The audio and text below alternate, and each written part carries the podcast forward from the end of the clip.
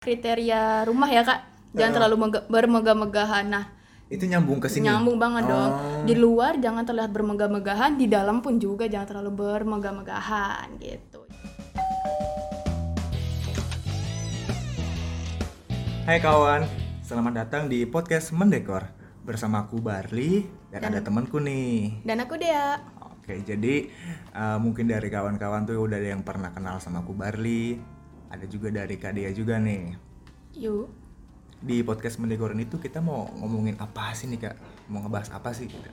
ya di podcast mendekor yang pertama ini kita akan membahas seputar rumah atau interior Nah gitu, jadi uh, selain yang tadi Kak Dea udah sebutin ngomongin soal rumah dan interior, aku mau ngasih tau juga nih, podcast Mendekor ini tuh uh, cocok banget buat nemenin kamu beraktivitas nih, yang sekarang mungkin lagi WFA atau kerja di rumah, atau mungkin yang masih kerja di kantor tetap semangat sambil dengerin podcast kita tuh cocok banget gitu. Jadi gampang banget cara untuk dengerin uh, podcast kita itu dengan cara kamu buka aplikasi Spotify, terus ketik aja di kolom pencarian mendekor pasti di situ, di situ ada podcast kita gitu. Jadi banyak banget uh, tema-tema yang bakal kita bahas gitu. Nah, untuk episode yang paling pertama nih, karena ini tuh sebenarnya tuh uh, simple, mungkin kita udah banyak yang tahu dan bahkan gara-gara podcast mendekor ini uh, kawan-kawan jadi baru tahu juga nih. Kita kasih tahu aja judulnya ya. Jadi judulnya itu adalah uh, rumah ideal menurut Islam gitu. Jadi apa sih rumah rumah yang ideal menurut Islam itu? Jadi gini, kalau ngomongin soal rumah rumah ideal nih, pasti kan banyak banget dilihat dari berbagai sisi, dari mulai unsur tanah, ketinggian dan faktor lainnya itu. Eh, kalau misalnya aku tanya nih, eh, emangnya ada ya kayak misalnya tuntutan ngebangun suatu rumah atau mendirikan sebuah rumah itu eh, dengan unsur agama menurut kak dia ada nggak sih kak? Ya kalau ngomongin soal rumah ideal menurut agama sih, ya sebenarnya sih sama aja ya, apalagi Hmm. menurut rumah menurut agama menurut Islam ya. Sebenarnya sama aja dengan rumah-rumah pada umumnya. Oke. Nggak ada tuh yang namanya ciri khas rumah Islam tuh harus ada bentuk kubah masjid Oh. atau menyerupai Oh, Ka'bah atau oh, ada oh, lapas-lapas Allah atau bentuk-bentuk Islam lainnya. Nggak ada karena ya pada dasarnya ya rumah itu bentuk rumah atau kriteria rumah itu tidak bisa menunjukkan uh, bahwa yang punya rumah tuh siapa Siapa dan Nah, agamanya apa iya, gitu? apakah itu dia agamanya Islam atau Kristen atau Buddha atau lainnya ya Oh. sebenarnya ya yang membedakan rumah seseorang itu bisa dilihat dari di dalam penghuninya sendiri Oh, Jadi dari si penghuninya itu. iya Oh, oke, oke. di mana ya ajaran agamanya itu diajarkan dan diamalkan di rumahnya itu gitu sih Hmm. menurut aku ya Oke. Jadi yang kayak tadi Kak Dea bilang tuh kayak eh, nggak harus eh, menyim- mensimbolkan Ka'bah atau Ya. eh, semacamnya itu itu malah me- eh, malah malah nggak boleh malah ya ya. nggak boleh Oh, Oke, jadi penting tuh ya sama aja Ah, ah, ah. rumahnya.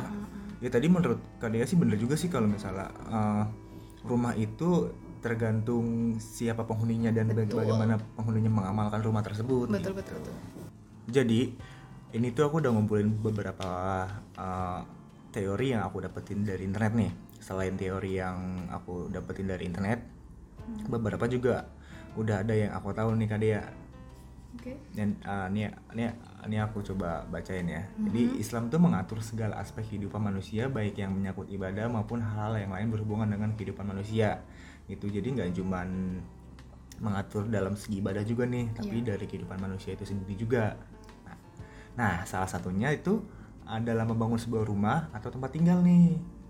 Selama ini kan banyak banget umat Islam yang uh, uh, kayaknya itu nggak begitu tahu permasalahan hal-hal yang menyangkut tempat tinggal dan bahkan nggak sedikit pun yang nggak tahu sama sekali kalau Islam tuh punya aturan sendiri untuk membangun sebuah rumah kan dia. Iya. Kar- ah, hal ini dikarenakan pada dasarnya rumah tidak hanya berfungsi sebagai tempat tinggal bersama keluarga aja nih Kak Barli, Hmm, melainkan juga sebagai tempat untuk melaksanakan ibadah dan hal lainnya yang menyangkut kehidupan rohani hmm. seseorang.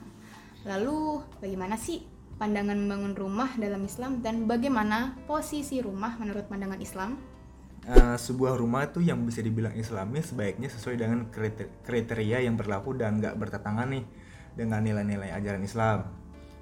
uh, ada baiknya juga sebelum membangun rumah itu uh, kita tuh harus mengerti bagaimana seharusnya tata letak sebuah uh, rumah dan ke mana arah rumah.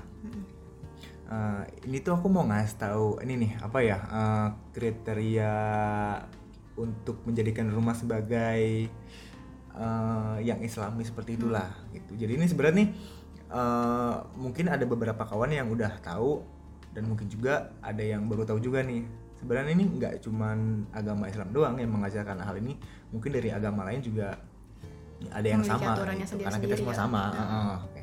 jadi yang pertama itu adalah gini memakai ruangan yang memadai ya kan? Sebuah rumah nggak harus berukuran yang gede nih.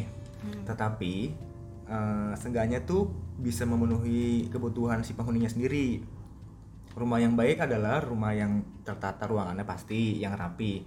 Dan senggangannya itu memiliki ruangan yang layak untuk beribadah masing-masing uh, punya ruangan khusus gitu. Kayak misalnya uh, di rumah ini ada musola gitu. Walaupun uh, di rumah aku tuh sebenarnya nggak nggak ada musolanya. Tapi uh, kita kan bisa sholat tuh di mana aja asal tuh yang tempatnya penting bersih sih. bersih apa bersih kan benar. Hmm. terus juga uh, ada ruang transisinya gitu. Jadi yang dimaksud dengan ruangan transisi itu uh, gini loh uh, sebuah ruang yang yang yang menghubungkan pintu masuk dengan uh, bagian dalam rumah nih Oh, oke. gitu. Kalau misalnya dalam Islam itu tuh uh, rumah yang baik itu memiliki ruangan uh, yang punya transisi gitu Hmm. Oh, atau yang bisa dikenal sebagai lobby lah gitu Oh, oke kayak bersekat-sekat gitu jadi nggak langsung orang misalnya tamu datang ya Nah, uh. masuk ke melewati pintu jadi ada halangan dulu Ada gitu halangan dulu. ada halangannya ada penghalang antara ruang satu dengan ruang lainnya Hmm, gitu Nah bener banget tuh. Hmm. Jadi tuh emang hal ini tuh dia maksudnya tuh biar misalnya kalau ada tamu tuh nggak langsung masuk melihat isi rumah kita gitu ke area. heeh. jadi menjaga privacy ya Ah, Eh, ah. tapi ini masuk ke tips yang selanjutnya sih ini yang privacy jadi kalau disimpulin tuh apa gini eh, dalam ngebangun sebuah rumah itu eh, sebaiknya tuh jangan langsung ini kak jangan langsung menghubungin pintu masuk langsung ke ruangan yang paling utama gitu kayak Oh, misalnya langsung oke. ruang keluarga atau dapur tuh kalau bisa sih jangan oke, gitu. Hmm. Terus juga tuh ada yang tadi Kak Dia bilang nih, Hmm. ada uh, tips yang selanjut- selanjutnya juga ada menjaga privasi nih. Sebenarnya tuh hampir sama sama uh, Hmm. Transisi soal tadi ya. ruang transisi tadi. Hmm. Jadi kalau bisa tuh sebuah rumah itu uh, hendaknya tuh punya ini, punya pembagian ruangan yang bisa melindungi privasi. Kayak Hmm. misalnya uh, contohnya kamar orang tua itu kepisah nih sama kamar anak. Terus uh, ada kalau misalnya mungkin masih tinggal sama nenek, kamar nenek juga kepisah juga sama kamar si anak dan cucunya. Itu tuh lebih baik jadi kan bisa menjaga privasi masing-masing. Ya apalagi eh, ini sih lebih ke khusus ke anak yang udah beranjak de- dewasa ya, kayak Ah, remaja akhir balik ya. lah gitu. Mm-mm. Tapi kalau masih bayi sih sah-sah aja ya dalam satu kamar. Iya karena tuh menurutku tuh ruangan yang paling privasi di rumah itu ya uh, Kamar. sih Hmm. kamar. Jadi uh, ini kalau bisa wajib banget dilakuin buat yang kawan-kawan yang mau bangun rumah. Uh, toh kalau misal punya anak yang sudah besar, uh, kita saranin buat uh, Punya- bikin kamar sendiri aja Ah. gitu. Jadi ini juga melatih anak itu buat mandiri ya kayak. Bener, ini ini tuh salah satu cara buat ngelatih anak buat mandiri gitu. Kayak misalnya uh, dia belajar untuk merapikan barangnya sendiri. Wah, Misal habis uh, dia habis mainan barang-barangnya itu terus dia rapiin sendiri Hmm. gitu. Itu tuh emang uh, kamar itu emang ini sih privasi yang emang udah nggak bisa diganggu gugat lah dalam Iya. sebuah rumah gitu. Terus juga juga privasi orang tuanya ya kalau misalnya orang tuanya lagi kerja kan nggak mungkin dong diganggu sama anak ya gitu. Bener gitu. Apalagi kalau lagi WFH kayak gini nih kak ya. Bener Pasti bener pasti butuh waktu Mm-mm. fokus banget itu. sih kayak bapak-bapak gitu kerja di rumah pengen tempat yang khusus lah jadi nggak di nggak bukan apa ya jauh dari kebisingan Mm, Gitu. benar-benar. Nah, poin ketiga itu ada ah, sebenarnya nih ini ya apa eh, kayaknya poin semua. keempat pak kak Oh iya, poin keempat ya. Wah. Oke oke, poin poin- eh, poin keempat itu sebenarnya tuh ini loh. Menurutku tuh menurutku ini tuh nggak nggak cuman agama Islam doang yang ngajarin kayak gini, tapi hampir semua agama yang yang aku tahu Oh, sih oke. ngajarin soal ini. Jadi kita tuh eh, sebisa mungkin menghindari perilaku yang apa ya eh, berfoya-foya lah bisa disebut Oh. Eh, untuk ngebangun rumahnya itu nggak harus rumah yang besar atau rumah yang megah gitu. Nah, menurutku pribadi Hmm. itu tergantung sebesar mana rezeki kita yang kita dapetin buat ngebangun suatu rumah itu. Oke. Gitu kalau emang kita mampu kenapa enggak gitu. Ya sih kalau tapi kalau kita punya rezeki yang berlebih ya sebisa mungkin ya kita untuk tidak bermegah-megahan ya karena ya Oh. bermegah-megahan itu kan sifatnya menimbulkan sifat ria. Oh iya. Nah kalau ria kan dari apa di agama Islam itu kan sangat tidak disukai oleh Allah Subhanahu Wa Taala. Oh, gitu. gitu. Jadi diusahakan kita juga masih belajar nih teman-teman. Hmm. Kalau kita punya misalnya rezeki lebih ya kalau punya membangun rumah ya ya standar-standar aja sesuai kebutuhan kita gitu. Oh, ya, eh bener banget tuh kak. Maksudnya sebu- sesuai kebutuhan kita. Misalnya gini, eh, dua anak Hmm.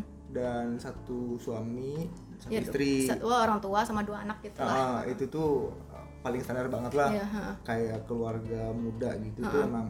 Berarti tuh kalau di dihitung tuh uh, gini ya kayak kalau dihitung ruangan nih. Satu kamar kan buat uh, orang tua. Iya. Misalnya si anak buat eh mi- misalnya si anak itu masih balita pasti kan dia sekamar dong. Oke. Masih umur Iya, antara iya, 4 sampai 5 tahun sekamar. Hmm. Terus kamar mandi biasanya ini kalau kamar uh, di kamar orang tua itu pasti ada kamar mandi khusus di dalam Hmm. Kamarnya orang tua ya? Iya, kamar orang tua sendiri. Oh, oke. Kalau misalnya di kamar anak itu biasanya tuh ada yang nggak ada, Hmm. ada bahkan yang di luar juga. Ya, soalnya kan kalau umur 4 sampai 5 tahun pasti masih dimandiin dong Hmm. sama orang tuanya, sama ibunya. Terus ya untuk meminimalisir budget juga sih sebenarnya. Oh, kalau misalnya orang tua memiliki anak yang kembar atau cewek-cewek bisa disiasati sama punya ran- tingkat ranjang gitu loh kak. Jadi satu Oh, kamar ada dua oh. ranjang itu kan bisa banget itu biar nggak nggak biar nggak membangun rumah kamar lagi gitu. Mhm, Bener-bener. Nah, itu kan tadi kan eh, kamar orang tua sama si anak. Hmm. Terus kita paling kita butuh dapur. Iya dapur. Terus eh, ruang Nah dapur nih ntar dibahas juga nih Oh. cara gimana mem- apa membangun dapur menurut Oh, Islam. ada juga tuh. Ada dong. Oh, iya dapur terus apalagi ya ruang tamu. Ya ruang tamu. Nah, Sebenarnya sih sekarang sih ruang tamu sih nggak terlalu difokusin ya kayak so- Hmm. soalnya eh, campur sih ruang keluarga sama ruang tamu sekarang ini. iya, itu emang lagi ngetren banget sih. Hmm. gitu. Nah, terus ada yang paling terakhir nih menurutku nih, menurutku nih semua aspek itu ngajarin soal ini. Menjaga kebersihannya. Pastinya. Gitu. Jadi kan ada ada pernah dengar ini nggak sih? Pasti pernah dengar lah. Oke. Eh, rumah apa? Rumah adalah cerminan itu dari penghuni rumahnya sendiri. Iya benar dengar. Jadi gini, eh, dalam sebuah hadis di Al-Quran itu disebutin bahwa kebersihan itu tuh kayak apa ya sebagian dari iman. Iya tuh betul banget kak. Itu mungkin tuh dari kita SD tuh kita selalu diajarin kebersihan itu adalah sebagian dari iman dan itu emang eh, nyatanya nyatanya itu emang apa benar.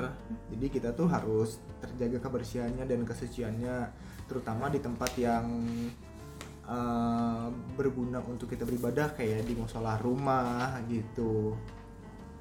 Yang untuk melaksanakan ibadah gitu. Tapi nih aku aku punya kayak cerita masa kecilku nih kak. Oke apa tuh?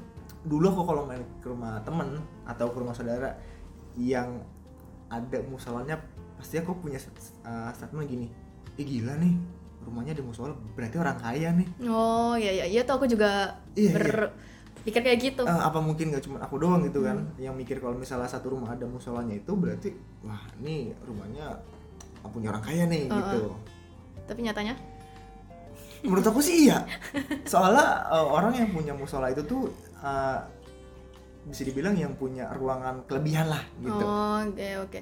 Tapi ya tergantung ukurannya juga sih. Ada Ah. yang bukan musolah banget tapi kayak bentuknya mihrab aja gitu, Oh, mihrab gitu. ah, ah, ah. Yang buat orang khotbah gitu aja sih itu. Nah, itu juga udah cukup sih. Tapi kalau emang punya di rumah kalian ada lahan kosong ya bisa juga sih dijadiin musola kecil-kecilan buat eh, sholat berjamaah sama keluarga Hmm. gitu. Uh, uh, bisa diibaratkan tuh kayak setiap hari ya setiap uh, setiap menit itu rumah kita tuh didoain lah gitu. semoga dijauhkan dari bara bahala gitu Iya, pastinya sih. Terus eh, menurutku juga kalau orang yang rumahnya ada musola pasti bersih banget sih. Mhm. Selalu bersih soalnya apa ya? Ya kan namanya sholat kan pasti selalu bersih kan. Selalu jaga terjaga kesuciannya gitu. Terus eh, pasti area musolanya itu pasti lebih bersih deh daripada area-area lainnya pasti aku ngerasa kayak gitu sih kalau ke rumah teman ada rumahnya ada musolanya pasti rumah apa musolanya ini pasti lebih bers- bersih daripada area-area lainnya Hmm, oke bener sih karena tuh eh, kalau misalnya kawan punya ruangan untuk beribadah di rumah tuh pasti tuh emang eh, pengennya tuh selalu bersih gitu karena tuh ba- eh, bagian dari kekusyuan kita untuk beribadah kepada Tuhan gitu Oh, kan iya betul tuh, betul. Nah, setelah membahas kriteria di sini kita akan lanjut ke posisi rumah dalam Islam. oke posisi rumah Hmm. Ya, eh, posisi rumah ini menurut Islam sangat diatur ya. Yang pertama, posisi bangunan rumah kita nih, Kak. Ternyata posisi bangunan rumah kita ini alangkah baiknya harus menghadap kiblat. Sesuai kita kiblat. sholat ya, Oh. menghadap kiblat. mengarah sama eh, Arah sholat kita. arah sholat Mm-mm. Tapi sini nggak ada dalil-dalil khusus ya atau kalau nggak arah kiblat bakalan dosa enggak enggak juga Oh. tapi alangkah baiknya Oh, kalau bisa Mm-mm, gitu kalau Ah. bisa. Dan gimana sih caranya untuk memposisikan rumah kita ke arah kiblat? Caranya gampang banget sih. Kita bisa ngelihat lingkungan kita nih masjid atau musola kita tuh ngadepnya ke mana arah kiblatnya. Jadi kita bisa oh ngikutin. patokannya tuh di situ ya Iya, Oh, patokannya ke situ.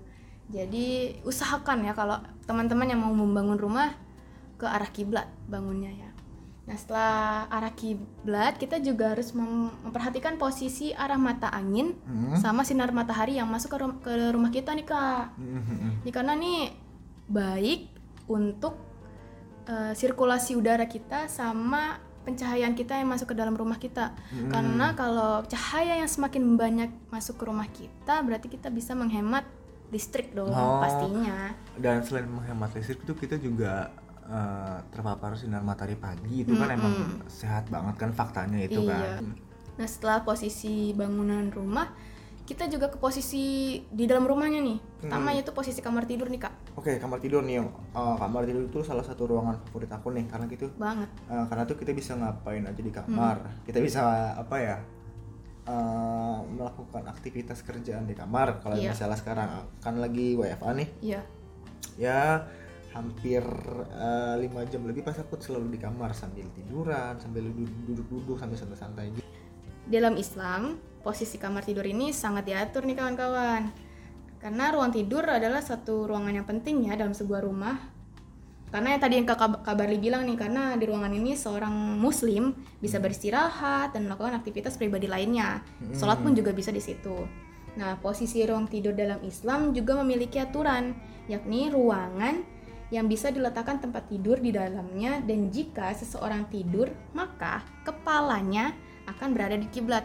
Jadi oh eh, posisi kita tidur eh, kepala kita harus menghadap kiblat nih, Kak. menghadap kiblat gitu ya oh Menghadap iya kiblat. ah. dulu tuh aku waktu kecil pernah sering ketiduran gitu kan Oh, tapi madhabnya itu bukan ke arah ke kiblat oh, oke. Nah, kan kalau orang uh, mohon maaf kalau orang meninggal itu kan ngelawan arah kiblat kan Oh, nah aku tidur uh, di posisinya itu orang yang meninggal itu tuh Oh. bener-bener diomelin sama mamaku gitu Eh, nggak boleh tidur uh, nggak boleh tuh tidur kayak gitu harusnya tuh Oh, uh, oke, oke. ti- tidurnya sama kayak ke arah sholat oh ternyata tuh ini oh iya, iya. Jadi sih sebenarnya menurut ulama-ulama Islam sih nggak ada patokan khusus ya. Hmm, oh, ini nggak harus ada. Ah. harus harus di arah kiblat atau gimana, tapi ini tuh lebih kita mengikuti syariat dari eh, apa ya aktivitas dari Nabi Muhammad Shallallahu Alaihi Wasallam. Hmm. Jadi tuh Nabi Muhammad tuh selalu so- kalau tidur eh, arahnya ke kiblat. kiblat ke arah Jadi, sholat juga uh-uh. Jadi itu kita harus kalau kita sebagai muslim yang baik dan ma- kalau mau dapat syafaat yang baik ya kita harus mengikuti segala aktivitas Nabi Muhammad kita sam- sampai ke tidur tidur ke tidur ke tidurnya juga gitu. oke Terus eh, sel- kok berarti kan kepalanya menghadap ke kiblat berarti kakinya juga beral- berlawanan ya ke kiblat gitu. Uh, Atau enggak posisi tidur kita bukan kepalanya posisi tidur, tidur kita ya menghadap ke kiblat. Oke. Terus ada apa lagi nih? Kayak kayaknya nih kalau ngomongin ini kan kadang fokus ke ruangan nih. Iya, Banyak iya. banget kan ada. Tadi kan kamar udah. Hmm. Terus oh baru kamar posisi ya. bangunan rumah tadi Posisi ya. ba- eh, Ini kita posisi- masuk ke dalam-dalam rumahnya nih. Oh, Nah setelah kita ke posisi kamar tidur, kita masuk ke posisi toilet nih kak. oke Nah toilet. ternyata di dalam Islam ini sangat-sangat diatur gimana sih cara membangun toilet yang benar. Dan posisi toilet yang benar menurut Islam jangan menghadap ke kiblat tapi juga jangan berlawanan dengan arah kiblat jadi ke sisi lainnya Oh. karena kan di toilet kita tuh melakukan aktivitas privasi seperti maaf ya buang hajat eh, buang air besar atau buang air kecil ya jadi Mm-mm. jangan mengarah, mengarah- mengarah kiblat karena menurut ulama Islam ya eh, kiblat itu kan eh, suatu yang tempat eh area yang suci Mhm. kalau kan kalau toilet kan kita membuang kotoran kan jadi kurang etis aja gitu kalau kita. Oh, menghadap ke akal. kiblat gitu Nah, tapi gini loh kak, Eh, kita tahu toilet kita itu arahnya ke mana itu patokannya tuh dari mana? Atau dari pintu atau mana? sebenarnya sih menurut aku, menurut aku ya posisi kita Oh posisi kita, misalnya posisi toilet tuh ke arah depan kamar kan, kebetulan tuh eh, kamar kita itu mengarah ke kiblat, itu berarti posisi eh, tempat duduk toilet kita tuh emang ke kiblat dan itu nggak boleh gitu. nggak boleh Oh, itu harus- patokannya dari situ. beda beda arah sih tapi jangan juga melawan kiblat ya jadi Mhm. kalau arah kiblat ya ke mana uh, lawan arah kiblat ya ke mana kita harus cari posisi lain Oh. gitu Mis- Misalnya kan kalau di depan itu kiblat, di belakang itu kan eh, apa? belakang kiblat ya, Hmm. ya kita kadang tahu apa kirinya lah gitu. Oh, berarti patokannya tuh dari posisi iya eh, posisi si- kita kita masuk toilet terus kita posisi beraktivitas tuh buang, hajatnya itu Oh, uh, oke. arah mana gitu. Tapi sebenarnya sih ini bukan sesuatu hal yang dosa ya kan untuk membangun dos- eh, membangun toilet arah kiblat tuh nggak dosa, tapi ini dianjurkan menurut eh, menurut ulama-ulama Islam gitu. Hmm. Gimana kita cara apa ya mensucikan arah kiblat kita. Hmm, Karena nih aku juga baru tahu loh kalau posisi toilet itu harus jangan mengarah ke kiblat gitu kak, Mm-mm. dan nggak boleh membelakangi lah. Ya, yang aku tahu sih ya kita nggak boleh sih di toilet ngarah kiblat tapi aku nggak tahu kalau berlawanan dengan arah kiblat juga nggak boleh, ternyata. Oh. Nah, jadi sangat detail banget Islam itu Hmm, untuk ya. posisi. Paling yang aku tahu ini di kamar mandi itu nggak boleh ada cermin. Oh emang iya? Kenapa emang? nggak nggak tahu kata mamaku tuh nanti ada yang ngaca gitu kan. Ya sih sebenarnya kita sebagai Muslim tuh jangan terlalu berlama-lama di toilet. Oh iya. Nah, soalnya kan kita tahu kan toilet itu kan tempat najis atau Oh. tempat kotor itu kan eh, apa ya tempat tinggalnya para makhluk-makhluk halus gitu Oh, jin jadi setan gitu. Iya iya. jadi ya masih make sense sih sebenarnya kita nggak boleh terlalu berlama-lama di toilet gitu loh Iya. ah, ah. jangan ada cermin ada jangan apalagi HP gitu Iya benar-benar. jangan terlalu lama di toilet nah setelah posisi toilet di Islam juga mengatur posisi dapur nih kak Dapur juga ada ya ternyata. Ada dong. Nah, di dapur kan kita melakukan aktivitas memasak, terus menyiapkan makanan untuk kita sendiri atau keluarga ya. Mm-mm. Terus eh, sebuah dapur muslim dalam Islam ya, sebuah dapur muslim haruslah dibangun dengan efisien. Karena mengingat Allah Subhanahu wa taala tidak menyukai sesuatu yang berlebih-lebihan dan mengingat bahwa seseorang muslim makan untuk hidup, bukan hidup untuk makan. Jadi itu kita harus membangun dapur tuh sesuai kebutuhan kita, Kak. Jangan terlalu berlebih-lebihan lah. Yang tadi kayak kriteria rumah ya, Kak. Jangan terlalu mega- bermegah-megahan. Nah, Itu nyambung ke sini. nyambung banget dong Oh. di luar jangan terlihat bermegah-megahan di dalam pun juga jangan terlalu bermegah-megahan gitu jadi ya kalau keluarga kecil punya panci ya cukuplah satu atau dua jangan sampai lima mengoleksi panci gitu jadi tuh di rumah tuh penuh gitu nggak ada nggak ada ruang untuk bergerak gitu Hmm, oke. itu dia perhatikan banget nah posisi dapur tuh harusnya di belakang rumah harus di belakang rumah karena kan kita mengolah makanan tuh kayak gimana gimana jangan sampai tamu masuk terus ngelihat kita lagi masak, Masak. Oh itu gitu agak lumayan aneh sih kalau Iya, misalnya datang makanya. ke rumah orang pas buka pintu masa langsung ngebul kayak di restoran. Oke. makanya Iya iya nyambung jadi itu eh, Islam tuh sangat menjaga privasi eh, umatnya gitu Mhm. nah setelah posisi dapur nih yang tadi dibahas nih tentang musola Oke. posisi musola nih Ini ini kayaknya lebih detail lagi nih kalau soal musola nih kak. sebenarnya posisi musola musola rumah dengan musola yang musola biasa gitu yang di, di Ada di lingkungan seki- sekitar lingkungan sekitar. sebenarnya sama aja ya yang penting tuh arahnya pasti tentunya arah kiblat ya Nah, itu patokan Hmm, eh, pasti itu kayak patokannya.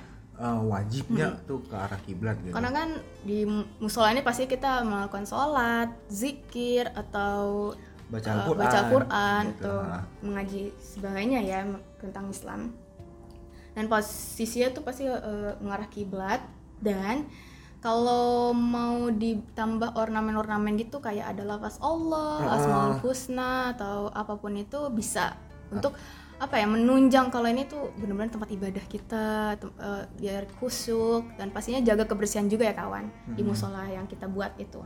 atau tuh eh, mau pakai ini apa eh, sajadah karpet gitu loh yang Oh, panjang oke gitu oke kan oke. Iya tuh. Ya tapi tergantung ukurannya sih kak. Tapi kalau kecil ya cukup lah sejadah mah.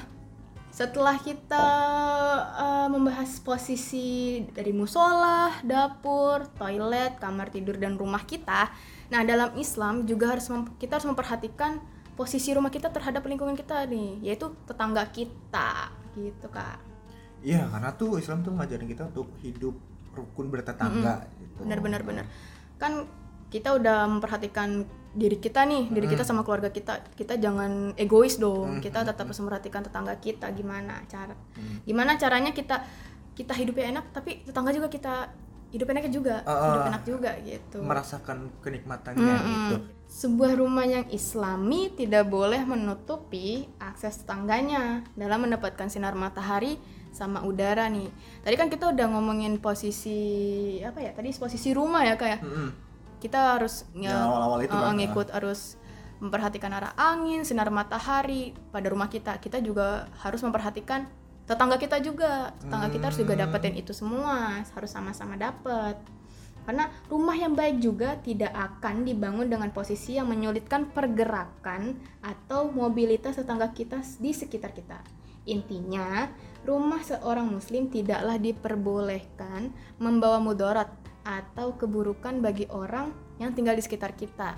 Jadi, kita sama-sama dapat kebaikan dari alam, dari Allah, tetangga kita juga harus dapat sama sama kayak kita gitu, Oh, baiknya gitu. Itu dia tadi obrolan kita mengenai uh, episode pertama, rumah ideal menurut Islam.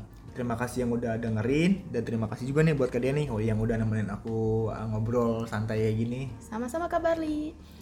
Jangan lupa juga buat pantengin uh, podcastnya Mendekor di Spotify, tinggal dicari aja uh, Mendekor, terus bisa langsung di follow biar nggak ketinggalan episode kita selanjutnya. Bakal ngebahas apa aja nih gitu. Oke, uh, kurang lebih itu aja ya. Jadi uh, mohon maaf bila ada kata-kata yang kurang cocok atau uh, tidak enak didengar Mm-mm. karena kita di sini sama-sama belajar tentang membangun rumah menurut ajaran Islam itu seperti apa. Oke. Kawan Dadah, kawan-kawan. sampai jumpa di podcast kita selanjutnya. Jangan lupa follow. Oke.